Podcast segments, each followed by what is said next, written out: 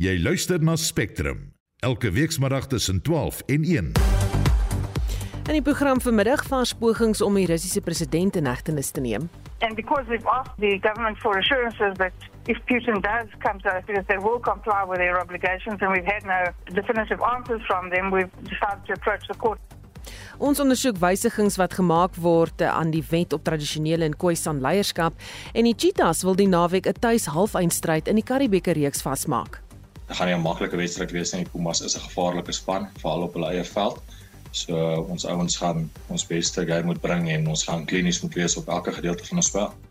Die span is Justin Kennerly en Daitrin Godfrey. My naam is Susan Paxton.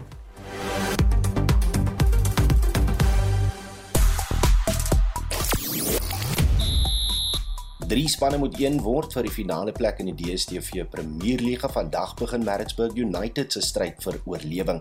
Byna 'n miljoen kaartjies reeds verkoop vir vanjaar se vroue sokker wêreldbeker terwyl Danny Jordan in Egipte ondersteuning probeer werk vir Suid-Afrika om die toernooi in 2027 aan te bied. En ons enkelspelkanse by die Franse Ope is daarmee heen, maar ons moet tot môre toe wag om te sien hoe ons kanse in die mans dubbelspel sal vaar. 'n Volledige bulletin volg net na 12:30. Nou ons gesels oor iets ligters vandag. Vandag is wêreld papegaai dag. Die dag word gebruik om aandag op die voëls te vestig. Byna 1 uit 3 papegaai spesies word in die natuur bedreig as gevolg van habitatsverlies, die troeteldierhandel en ander mense of mensgegenereerde bedreigings. Deel jou papegaai storie vandag met ons. Het jy een? Uh, wat het hulle al gedoen wat jou laat lag of bloos het? Wat dink jy in die algemeen van hierdie voëls? Sou jy graag een wou hê? Uh, stuur 'n SMS na 45889 teen R1.50 per boodskap of praat saam op ons Facebookblad by facebook.com vorentoe skynstreep ZARSG. Jy luister na Spectrum elke weekmiddag tussen 12 en 1. Is dit bykans 7 minute oor 12. Die Suid-Afrikaanse polisie gaan sowat 2 miljard rand belê in die aankope van hommeltuie om polisie sigbaarheid te verbeter. Maar wat word aan vee diefstal gedoen? Ons praat nou hier oor met 'n dosent in penologie aan Unisa, Willie Klek. Goeiemôre Willie. Hallo Susan en middag aan jou luisteraars. So wat uit die jongste misdaadstatistiek aan is daar werklike afname in vee diefstal? Ek dink dit skep 'n wanpersepsie uh op hierdie stadium. Uh as jy kyk na die jaar se statistiek tot nou toe en nie die kwartaalstatistiek nie, dan wys die aantal sake aangemeld dat ons 'n daling het uh oor die jaar uh en in die laaste kwartaal 5.5%. Maar kyk ons na die aantal diere gesteel, dan neem die aantal diere gesteel toe. Wat vir ons 'n duidelike aanleiding is dat sê die stal wel toeneem en uh ek dink ons het eerder 'n probleem met die nie aanmelding van sake as wat ons 'n probleem het of dat daar 'n aanleiding is dat vir die stal wel afneem. Hmm. Ehm um, is daar data beskikbaar en hoeveel die bedryf finansiëel verloor as gevolg hiervan?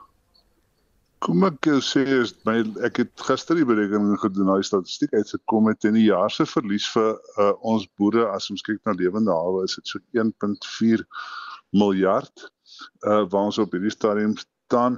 Dit is so toename van so 200 miljoen van verlede jaar af. So ons het 'n toename, maar ons moet ook gaan kyk dat die waardes wat die Fedie Stafforum vir ons gegee het van vee so klein bietjie toegeneem. So uh daar is 'n massiewe ekonomiese verlies van ons produsente. Bedreig dit 'n voedselsekuriteit? Ek wil vir jou baie graag sê ja, maar ek gaan vir jou sê nee. Die groot ding gaan daaroor is onthou dat alle vee wat gesteel word word wel deur mense verbruik. Met ander woorde, dit word dit gaan nie die voedsel gaan gaan nie 'n voedselprobleem wees nie. Dit is 'n ekonomiese probleem waarmee ons sit op hierdie stadium. Hm. En dan vee diefstal en die polisie, ehm um, jy weet dink jy kry jy die gevoel dat boere voel die polisie help hulle? Ek dink glad nie so nie. Ek dink ons is by 'n punt waar 'n mens raak so moeg uh vir die Suid-Afrikaanse polisie diens die feit dat hulle nie reageer nie, die feit dat hulle nie uh daar is as jy hulle nodig het nie. Ek dink ons het 'n samelewing wat in totaliteit moeg raak uh vir die, die mense wat daar gestel word om ons te beskerm. Ja. Goed dan, hoe kan vee diefstal beter bekamp word? Ek dink dit begin maar altyd by jouself. Uh as jy mens kyk na die vyf eerste reëls van misdaadvoorkoming is al eerste vyf is by jou as jy met jou diere merk, jy moet hulle oppas. Jy moet gereeld wagters hê, jy moet kyk want jy hulle gereeld reël tel en jy moet daar wees vir jou diere. Met ander woorde, dis die goed wat wat basies vir jou gaan werk.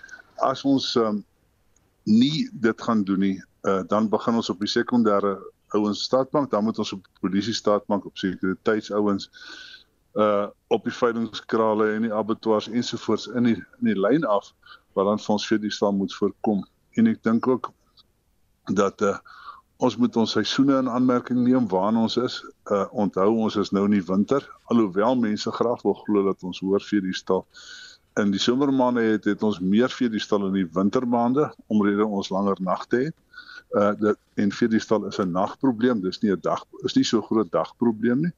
En uh, dan glo ek ook as uh die gesaides gestroop word en die mielies is af en ons het weer beter sig gaan vir die stad ook begin afneem. Maar uh, dis op dis wat ek op hierdie stadium daarvan sê. Baie dankie vir gepraat met die dosent in penologie aan Unisa Willie Klek. Die jongste misdaadstatistiek toon spesifiek hoe kwesbaar vroue en kinders in die Suid-Afrikaanse samelewing is. Dis die mening van die direkteur van die organisasie Wives for Africa, advokaat Brenda Madomisa. Die statistiek is gister deur die minister van Polisie Bekkie Cele bekend gemaak terwyl Kinderbeskermingsweek gehou word. Madomisa sê die sterftesyfer onder vroue en kinders in Suid-Afrika is so hoog omdat die publiek nie vertroue in die polisie het om sy werk te doen nie. If you listen to what the minister said yesterday, if you take the cases of sexual offenses and rape, and he's gloating about the decrease in rape cases, and he attributes that to the intensity of the police in really working hard.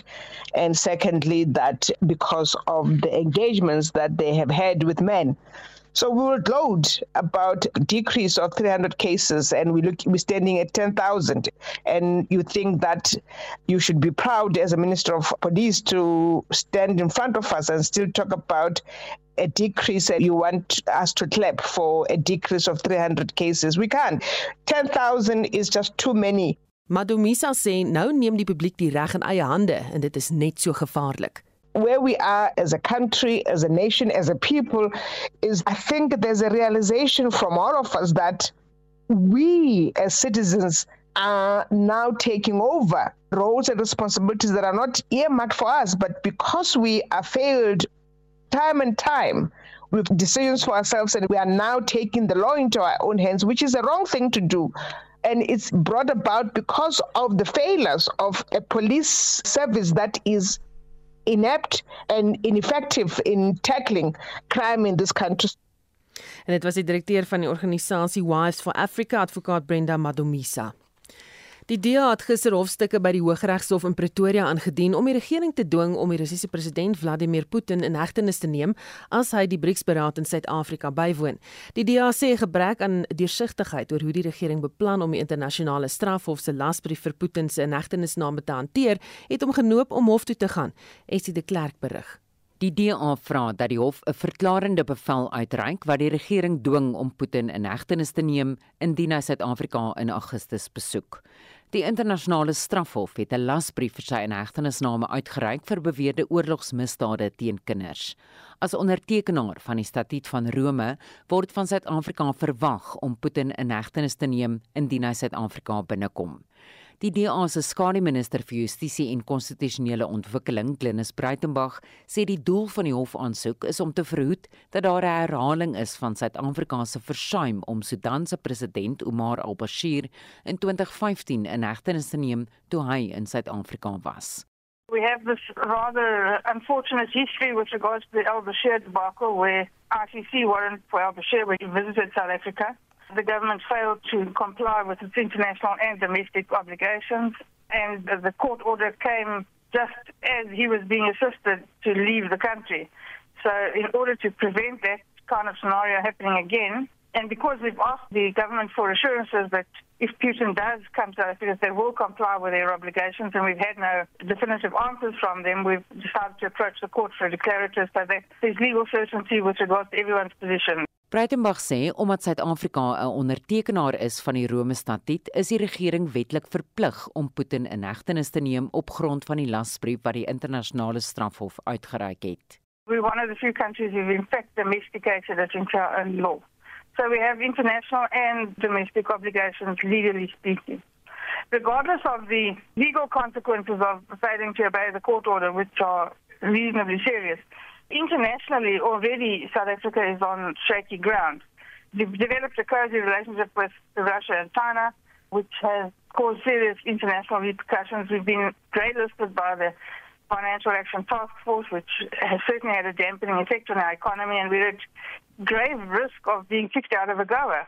Breitenberg sê die feit dat Suid-Afrika onpartydig staan in die oorlog tussen Rusland en Oekraïne kan hom nie onverskillig maak in sy verantwoordelikheid dat hy 'n ondertekenaar is van die Rome Statuut nie. I would question our non-partisan stance. It may be lip service, but nothing more. The fact of the matter is that that does not allow us to renegotiate our international obligations. We have international obligations that are in place And if we have difficulty with those obligations, the way to do it is to engage with the ICC and deal with those issues there. But to ignore them, to refuse to comply with them, is not the way to go. Dit was Linus Breitenberg, die DA se skademinister van Justisie en Konstitusionele Ontwikkeling. Ek is Estie de Klerk vir SAK nuus. Ons bly by die storie en praat nou met professor Henny Strydom verbonde aan die internasionale reg navorsingsleerstoel aan die Universiteit van Johannesburg. Goeiemôre Henny. Ja, goeiemôre. Kan Suid-Afrika onverskillig staan teenoor die oorlogsmisdade waarvan Putin verdink word? Met ander woorde, net eenvoudig 'n een blinde oog draai. Uh nee, glad nie. Uh en ek is uh effens verbaas dat die hele uh tema van neutraliteit van sy die sogenaamde neutraliteit van Suid-Afrika in die debat ingekom het. Ek meen neutraliteit verskoon nie 'n staat uh om standpunt in te neem oor misdrywe van hierdie aard nie uh, en enige ander ernstige oortreding van die internasionale reg. En uh, ek meen Suid-Afrika kan nie uh, onverskillig staan daarteenoor nie ook vanweë ons lidmaatskap van die Statuut van Rome en die wetgewing wat ons self besluit het om te implementeer om gevolg te gee uh, aan die bepalinge van die Statuut van Rome. Hm. Indien die DA suksesvol is in sy aansoek in die Hooggeregshof, sal die regering verplig wees om Putin in hegtenis te neem indien hy Suid-Afrika toe kom. En laat ek dit eers sê, ek is bly dat hierdie aansoek uh, gerig word uh, want dit sal sekerheid bring uh oor die kwessie van immuniteit. Want dit is die tema wat Suid-Afrika sedert al-Bashir ophamer uh waarom dit nie uh die weet in die, die tyd van al-Bashir uh die arrestasie en uh, uh gedoen het nie en dit lyk vir my dieselfde argumente is nou weer op die tafel. En dit hou verband met uh interpretasie van die die immuniteitsbepalinge in die statuut van Rome, maar die Suid-Afrikaanse wet is baie duidelik hieroor. Dit uh, bepaal baie duidelik dat uh, enige vorm van van immuniteit of dit nou in terme van die internasionale reg of die nasionale reg is, geld nie in hierdie gevalle nie. So en ons het baie groot behoefte aan uh, aan 'n soort van uh jy weet 'n verklarende bevel oor die regsposisie oor hierdie tema van immuniteit sodat uh daar baie duidelike riglyne is oor wat is die standpunt ehm um, in terme van of behoort te wees in terme van die Suid-Afrikaanse wetgewing veral uh en wat Suid-Afrika se verpligtinge is. En die ander rede daarvoor is omdat die die Hof van Appel het reeds in die Al-Bashir saak gesteun op die Suid-Afrikaanse wetgewing om 'n bevinding te maak dat Suid-Afrika onder die verpligting gestaan het om Al-Bashir uit te lewer en te arresteer natuurlik. En daardie wet is steeds in plek. So mense sou kon verwag dat die bepalinge daarvan steeds deur die Suid-Afrikaanse regering nagekom moet word. Hm. Maar indien die DA dan nou nie suksesvol is nie, wat dan? Ja, dan moet ons kyk wat sê die uitspraak uh oor uh, immuniteit. Uh dit is hoekom dit belangrik is dat ons hier 'n duidelikheid kry vanuit die hof se oogpunt oor die interpretasie van die immuniteitsbepalinge. Daardie uitspraak wat ons maar moet afwag, sal 'n aanduiding gee van uh watter uh jy weet benadering gevolg moet word ten opsigte van die arrestasie van staatshoofde in terme van die immuniteitsbepalinge. Hm.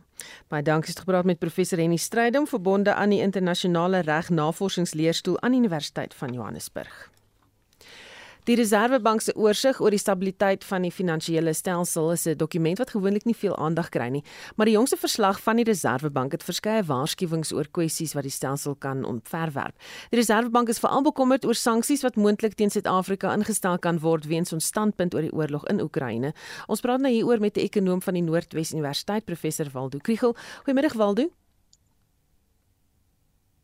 Goeiemôre Susan.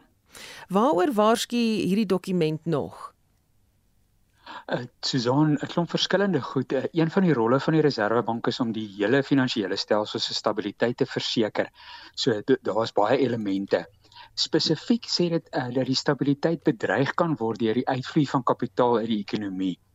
Uh, dit word veroorsaak deur ons swak ekonomiese groei vooruitsigte, spesifiek as gevolg van beerdkrag en dan ook die insluiting op die FATF gryslys. Mens sien die gevolge daarvan in die uitvloei van kapitaal in die feit dat hierdie buitelanders uh, is netto verkopers van ons aandele en effekte en dit beteken daar's deurlopende vraag na dollar in ruil vir rand en die wisselkoers verswak. Uh soos jy noem uh, wat vir my uitgestaan het is dat die Reserwebank hierdie risiko van sanksies noem. Maar hulle is 'n ernstige instelling uh, wat nie sommer mense probeer bang praat nie en as hulle dit insluit by hulle risiko's en kwesbaarhede wat hulle na kyk, uh, wys dit eintlik hoe ernstig die kwessie is. Hmm. En sê vir my dan met ander woorde as mense nou presies gaan kyk na hierdie dokument wanneer hulle hom uitreik, hoekom stel hulle hom saam? Waaroor gaan dit?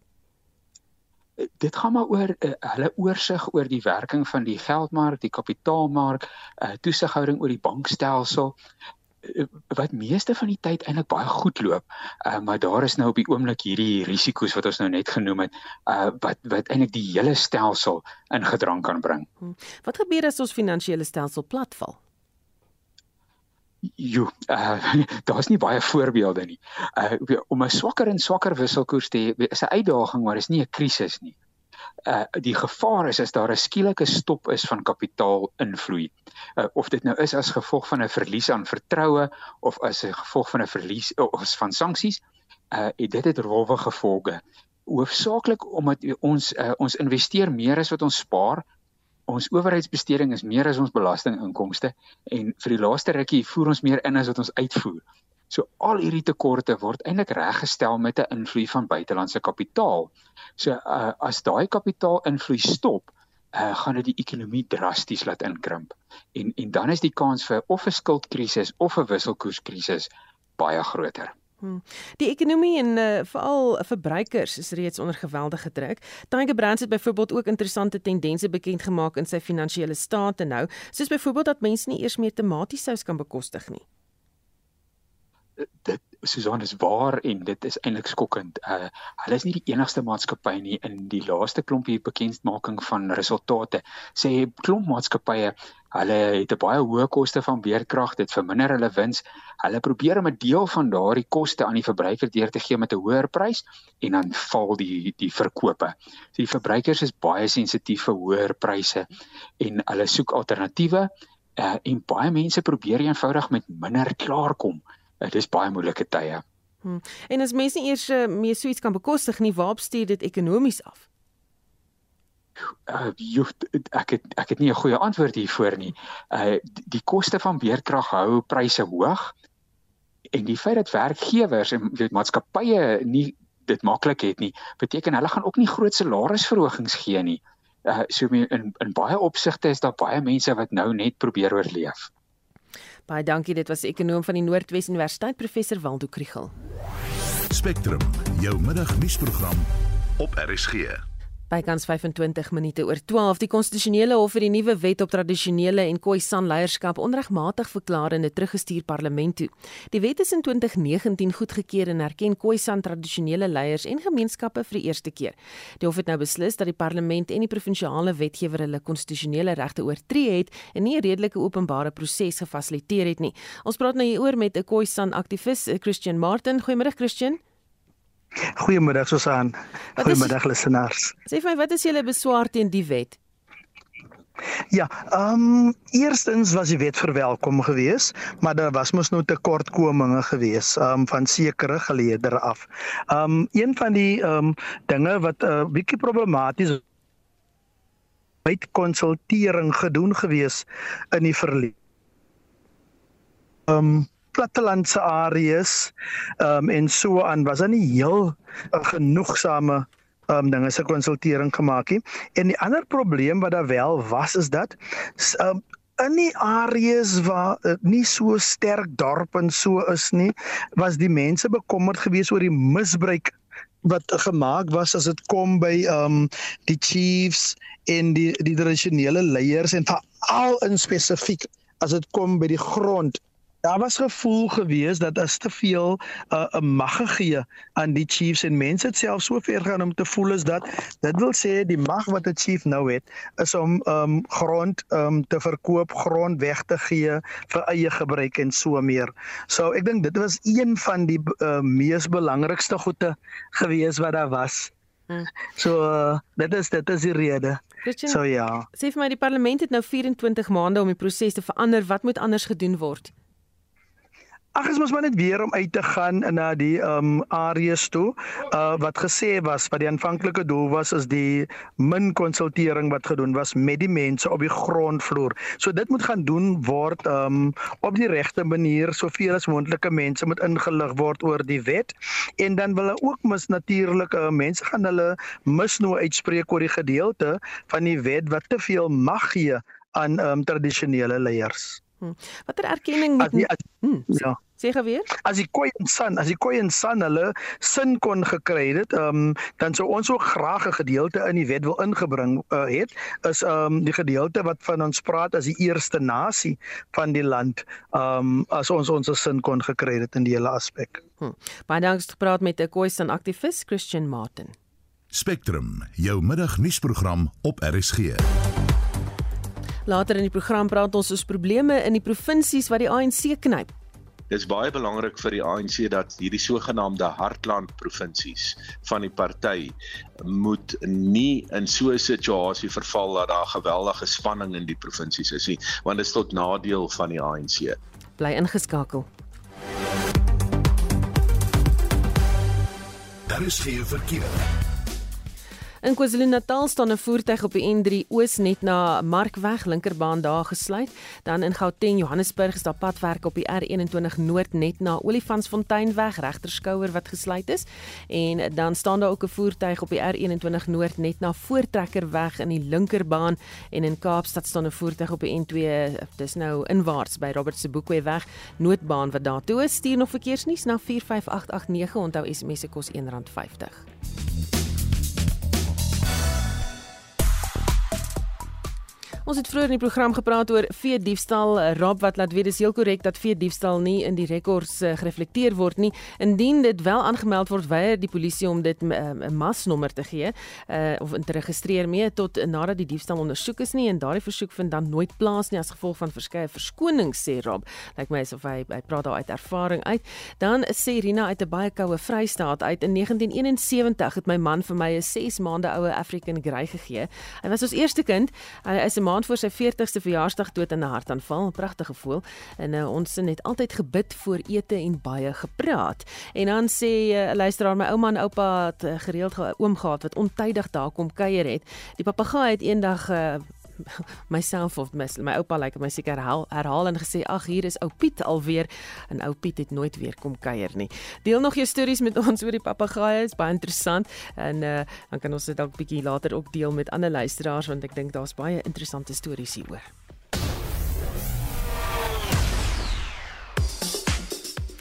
En nou ons kollega Oudo Karls sluit nou by ons aan. Goeiemiddag Oudo. Middag Susan. Ons begin met sokkernuus want die stryd vir oorlewing in die DStv Premier Liga duur vandag voort. Ja, Maritzburg United, Cape Town Spurs en Keswick Stars ding mee vir hy laaste Premier Liga plek. Maritzburg wat 15de geëindig het en Keswick Stars stak om mekaar vanaand half 8 nou. Dis nadat Keswick Stars in hul eerste promosie uitspelwedstryd 1-0 verloor het teen Cape Town Spurs. En in die Europese Liga eindstryd, uh, hy vind uh, die finaal vind vanaand plaas. Dis nou 9uur in Budapest in Hongarye en uh, die wedstryd is tussen Sevilla van Spanje en Rome van Italië. Die wenner daar kwalifiseer vir die Kampioenenliga volgende seisoen. Ons bly by sokker want ek sien byna 'n miljoen kaartjies is reeds verkoop vir die vroue sokker wêreldbeker wat in Australië en Nieu-Seeland plaasvind. Ja, daar bly nog 50 dae oor voor die toernooi in Auckland, Nieu-Seeland afskop. Dis nou op die 20ste Julie en daar's al reeds 850 000 kaartjies verkoop. Die mylpaal van 'n miljoen, miljoen verkope glo organiseerders sal binne die volgende week of 2 bereik word. Suid-Afrika het natuurlik gekwalifiseer vir die toernooi as huidige kampioene van Afrika. Hulle sal in groep G meeding saam met Swede, Argentinië en Italië. Maar Danny Jordan wat aan die stuur was van ons 2010 Wêreldbeker op tuisbodem, hy stands op besoeke aan verskeie Afrika lande lande om uh, ondersteuning daar te werf vir Suid-Afrika se bi om die toernooi in 2027 aan te bied. Hy het uh, iets interessant in Egipte gister gesê. Hy het aangevoer daar dat Suid-Afrika nou uiteindelik op die punt is waar elke groot klub in die land ook 'n damespan sal hê en ons sit in afwagting hier in Suid-Afrika om verdere planne hieroor te hoor. Net terwyl ons praat oor Wêreldbeker toernooie, dan bly nog 'n 100 dae oor voor die Rugby Wêreldbeker begin. Beestem Tawarirwa wat die trofee in 2019 omhoog gehou het met die Bokke. Hy het die Webb Ellis trofee gister amptelik aan die Franse oorhandig. Dis nou by die ikoniese Arc de Triomphe. En net so vinnig gebrokie nuus hier uh, van Suid-Afrika af, die Boksted Koenie Oosthuizen, hy gaan sy terugkeer huis toe maak. Hy het 'n 4 jaar kontrak gesluit met die Sharks in Durban na 4 jaar met die Sail Sharks in Engeland. En in Formule 1 nuus sê die McLaren span dat daadwerklik met planne begin om die glorie terug te bring. Ja, die Engelse span het gister aangekondig dat Red Bull se hoofuitvoerende ingenieur Rob Marshall na die huidige seisoen by hulle as tegniese direkteur van ingenieurswese en ontwerp gaan aansluit. Nou Marshall was voorheen by Red Bull, 'n ontwerper eh, so tussen 2006 en 2016. Uh, Red Bull het toe vier titels agtereenvolgens ingepalm in daardie tyd. Hy was ook ontwerper tussen 2004 en 2005 toe Renault met die kampioenskap weggestap het en McLaren natuurlik het laas in 2000 2008 'n titel gewen. En net voor ons gaan uh, of uh, voor ek tot sien sê ons mans enkelspel hoop by die Franse Oop is daarmee heen nadat uh, Lloyd Harrison se eerste ronde wedstryd gister uitgeskakel is, maar hy is môre te sien saam met dubbels vernoot Ryan Klassen is nou in hul eerste ronde kragmeting teen die Spaanse paar Roberto Cabella Baena en Juan Munar. Maar vir die jongste verwikkeling op Roland Garros sê ek tot sins en ons skakel oor na Pieter van den Berg. Middag Pieter. Dan sê middag sê Udo en ook middag aan ons luisteraars. Ja, jy's reg gepraat van Kabayas Beda. Hy is op die oomblik op die baan teen Stefanos Tsitsipas. Dis 'n vierde tweede ronde wedstryd en dis enkelspel en dis Tsitsipas die vyfde gekeerde wat die eerste stel wen 6-3 en hy loop voor 5-4 in die tweede stel met met baie nou wat afslaan om te kyk of hy 5-11 kan maak in daardie tweede stel. Maar 'n baie interessante wedstryd tans op die hoofbaan aan die gang. Uh, dit is 'n Camila Georgie wat uh, speel teen Jessica Pegula, die uh, derde gekeurde in die enkelspel vir vroue.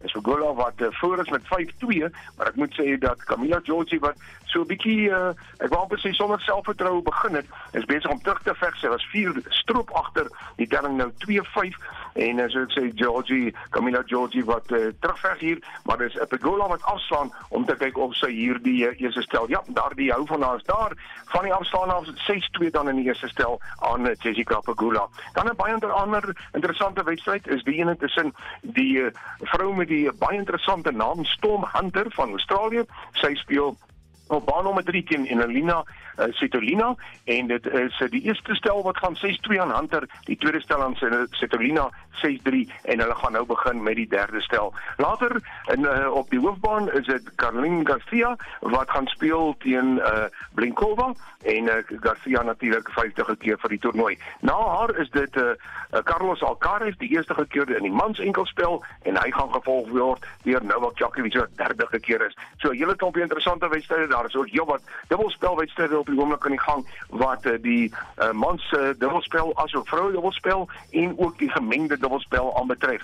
Ek wil ook dan net noem dat in die wedstryd tussen uh, Tsitsipas en Baena is dit op die oomblik uh, wat uh, daar die telling 5 elk is in die tweede stel nadat Tsitsipas die eerste stel gewen het. As ons kyk na daardie statistieke, een interessante statistiek, dit is die hoeveelheid wenhoue wat uitgevoer is, die wenners wat geslaan is deur Tsitsipas is 24 teenoor net die 14 van Baena so dit het hom daardie voorsprong gegee om daardie eerste stel maklik in te palm. Ons gesels weer in 360 later saam met Martelies, maar Susan daarmee is terug na jou in die Spectrum Ateljee in Johannesburg. Baie dankie Pieter van der Berg met die Franse Ope tennisnuus. Die Cheetahs wil die naweek 'n tuis halfeindstryd in die Karibeeke reeks bespreek. Die Bloemfonteiners pak die Pumas Saterdag in die voorlaaste ronde van die kompetisie in Bombela. Die Vrystaaters is tans tweede op die punteleer met 41 punte, twee minder as die Sharks. Die Pumas is derde met 36 punte en Liesel Olivier berig. Die Cheetahs was in Februarie verlede jaar laas teen die Pumas aan die wenkant. Dit sluit die Vrystaaters se 38-35 nederlaag in die halfeindronde van die Karibeeke reeks in.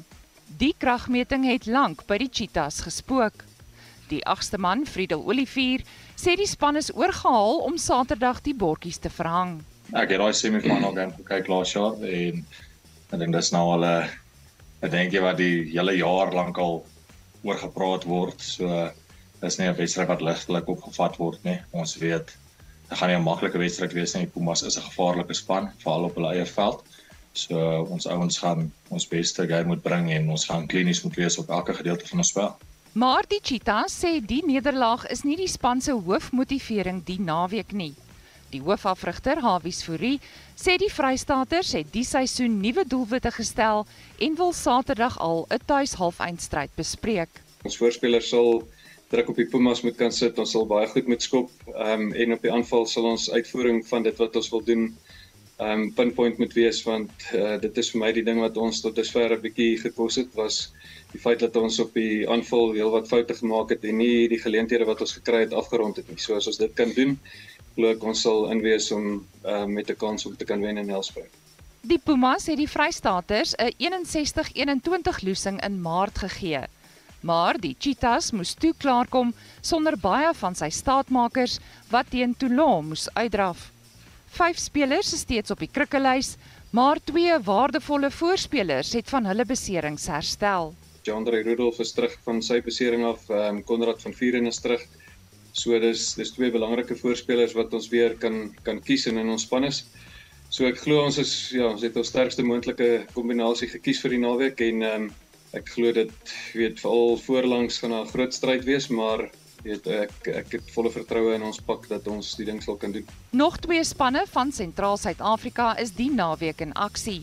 Griekwa sê die WP Vrydagmiddag om 3uur die stryd aan, waarna die wedstryd tussen die Griffins en die Bulle op Loftus Versveld in Pretoria afskop.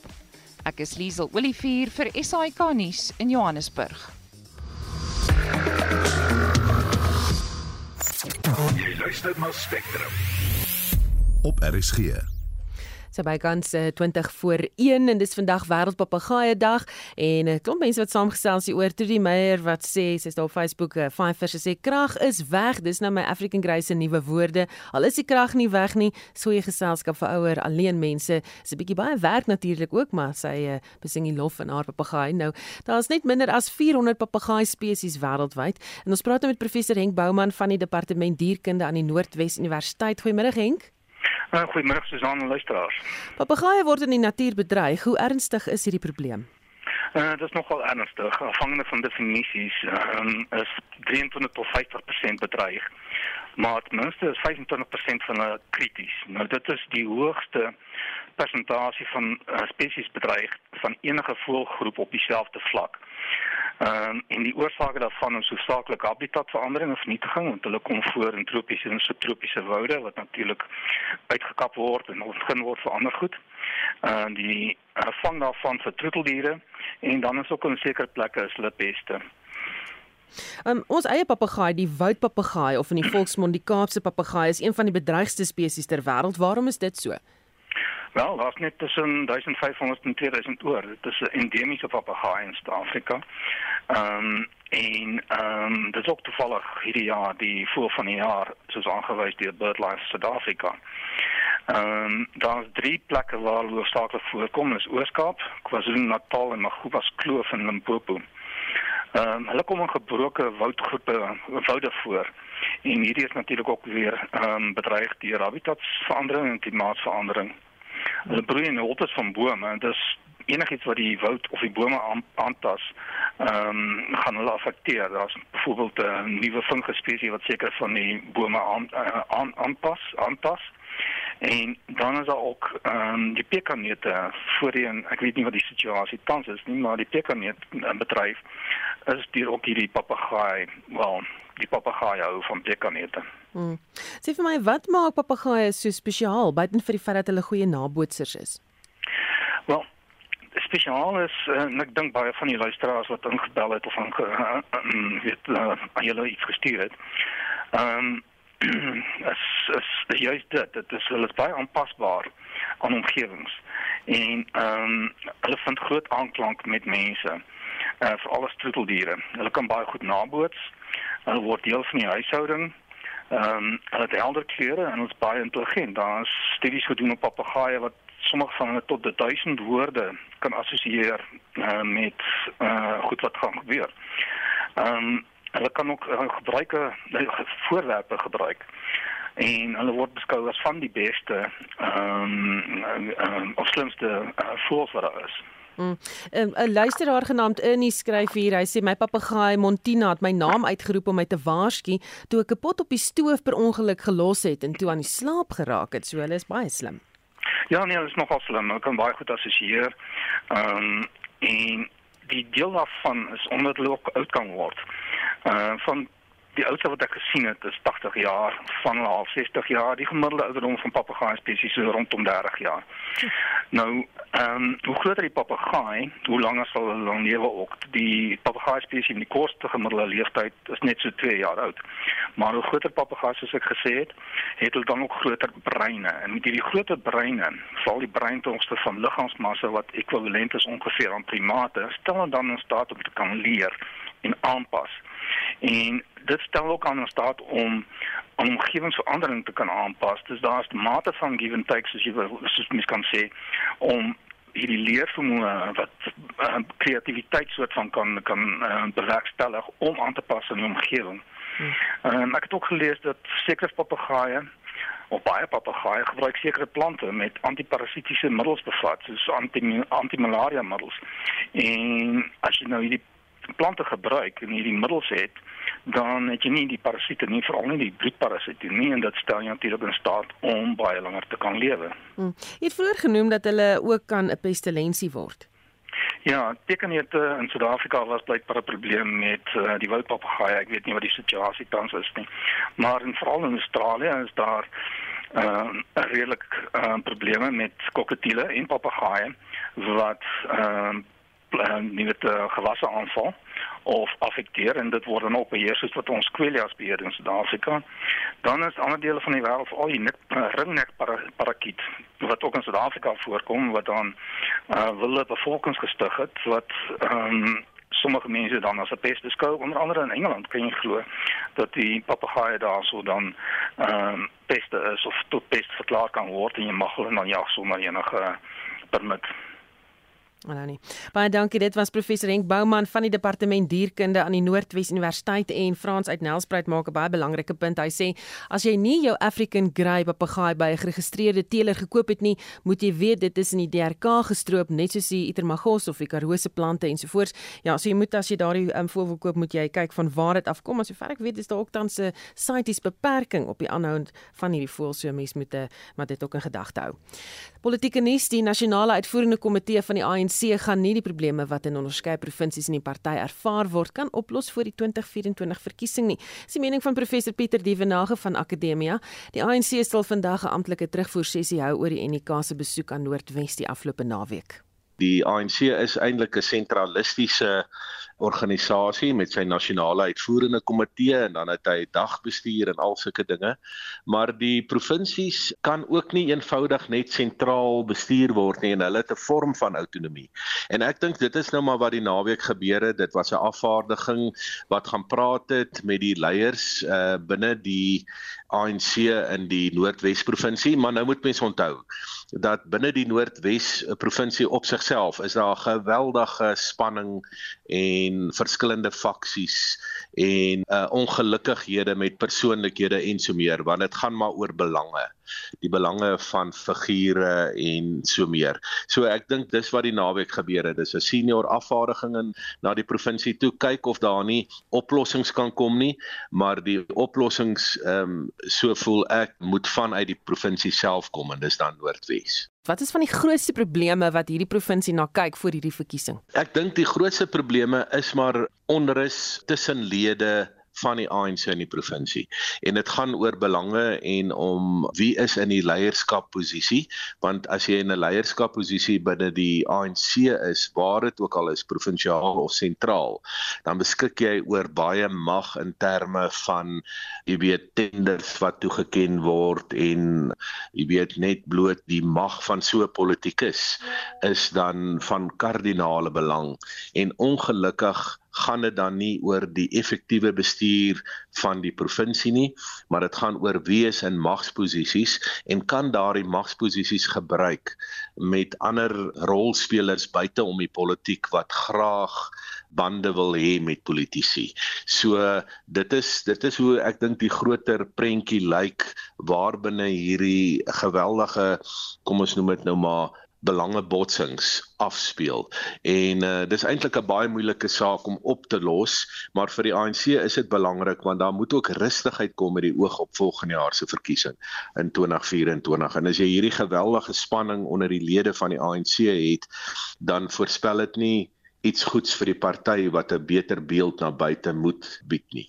Die volgende provinsie wat die ANC oog gaan oor moet hou? Ek dink daar's 'n paar. Kyk, hierdie is nou Noordwes. Ek dink die Vrystaat het sy probleme. Ehm um, Mpumalanga dalk ook. Limpopo is dalk 'n bietjie meer stabiel ook omdat president Ramaphosa baie goeie bande het na die noordelike provinsie. Ek dink daar's 4 provinsies, eintlik 5 wat die ANC die bekommer. Dis KwaZulu-Natal, dis Noordwes waaroor ons praat, die Vrystaat, um, Mpumalanga en dan tot 'n mindere mate Limpopo. Dis baie belangrik vir die ANC dat hierdie sogenaamde hartland provinsies van die party moet nie in so 'n situasie verval dat daar geweldige spanning in die provinsies is nie, want dit is tot nadeel van die ANC. Hierdie 5 provinsies is en dan mens sou die Oos-Kaap ook kom bysit, die 6ste een, is van kardinale belang vir die ANC en as gebeure soos die afgelope naweek nou van so 'n aard is dat daar gewellige spanning binne die provinsie is tot so 'n mate dat 'n afvaardiging, 'n sentrale afvaardiging van die nasionale uitvoerende komitee uh soontoe moes gaan, dan voorspel dit nie goed vir die ANC se binnewerking en administrasie met die oog op die verkiesing volgende jaar waar mense sou verwag dat die ANC in 'n provinsie soos Noordwes sou goed doen. Maar as dit nie die geval is nie, uh, kan dit uh, die ANC se se algemene ehm um, welstand vir die 2024 uh verkiesing in gevaar bring. Baie dankie, dit was professor Pieter Dievenage van Akademia. Professor Karisha Abdul Karim van die Vigs Navorsingsprogram Caprisa in Suid-Afrika sê 'n sistemiese benadering tot die HIV vigs pandemie is nodig. Sy sê so 'n benadering behels meer as net mediese behandeling en sluit die teikengroep in en hoe om die behandeling aan hulle beskikbaar te stel. Dit kom terwyl mense wat betrokke is in die stryd teen HIV vigs besin oor wat gedoen moet word om die pandemie teen 2030 as 'n globale gesondheidsbedreiging te beëindig. Dries Liebenberg berig. Abdul Karim sou graag wou sien dat mediese behandeling vir HIV vigs vinniger aan die publiek beskikbaar gestel word na suksesvolle kliniese toetse. Sy sê in een geval is 'n 2 maandelikse inspuiting om vroue teen HIV besmetting te beskerm steeds nie op die mark 2 jaar na die afhandeling van die kliniese toetse nie. Uh, we want to change lives. We want people to benefit from these interventions. Then we have to walk with the key stakeholders to ensure that interventions we develop at a very early stage. We're working with potential beneficiaries, we're working with policymakers, we're working with donors to ensure that when we have a positive result, that's not when we're scrambling to look at access and availability and affordability issues and provide a preparedness issues. Voorbehoedmiddels teen HIV, ook bekend as PrEP, is 'n belangrike middel waarmee vroue hulle kan beskerm. Abdul Karim sê orale voorbehoedmiddels teen HIV is reeds vrylik beskikbaar, maar nie almal slaag daarin om die pil daagliks te drink soos hulle moet nie. Meisies en jong vroue tussen 15 en 24 jaar oud het die hoogste voorkoms van nuwe HIV-infeksies in Afrika suid van die Sahara. Abdul Karim sê voorbehoedmiddels los egter nie die onderliggende probleem op nie. Getting infected from men who are 25 years and older. So an important part of this is interventions in young men while they are before they reach the age of 25 and this is where voluntary medical male circumcision is an important intervention in addition to comprehensive sexuality education both for boys and girls. When these men become 25 years and older, it reduces their chance of getting infected and thereby transmitting HIV to young women. Abdul Karim sê tydens die COVID-19 pandemie het minder mense hospitale en klinieke besoek terwyl HIV-toetse ook afgeneem het. Sy sê nes ander kwesbare groepe het COVID 'n groter impak op vroue gehad. So when there were school lockdowns and workplace lockdowns and remote working, women had increased burden in the household, particularly when you consider that we have large numbers of women-headed households. So even where both parents were present, women had to take on, in addition to working from home, the added responsibilities of schooling, etc. And you can see where adolescent girls and young women were uh, disproportionately impacted by all of these gendered impacts that COVID had. Die huidige wêreldteikens vir 2025 is dat 95% mense wat HIV positief is, weet wat hulle status is.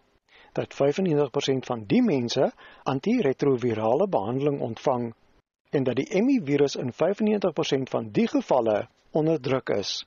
Gemeet aan die teiken, vaar Suid-Afrika nie sleg nie. Abdul Karim sê egter die voorkoming van HIV wat verkiesbaar sou wees vir tienermeisies en jong vroue is 'n groter uitdaging.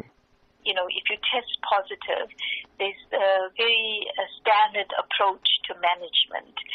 In prevention, we're looking at the diversity of populations and a diversity of approaches that are needed uh, in order to respond. And while we have the tools, we've not really understood in a granular detail what exactly uh, we need to be doing at a local level, uh, what's driving the epidemic there, and what is the appropriate mix of interventions for prevention.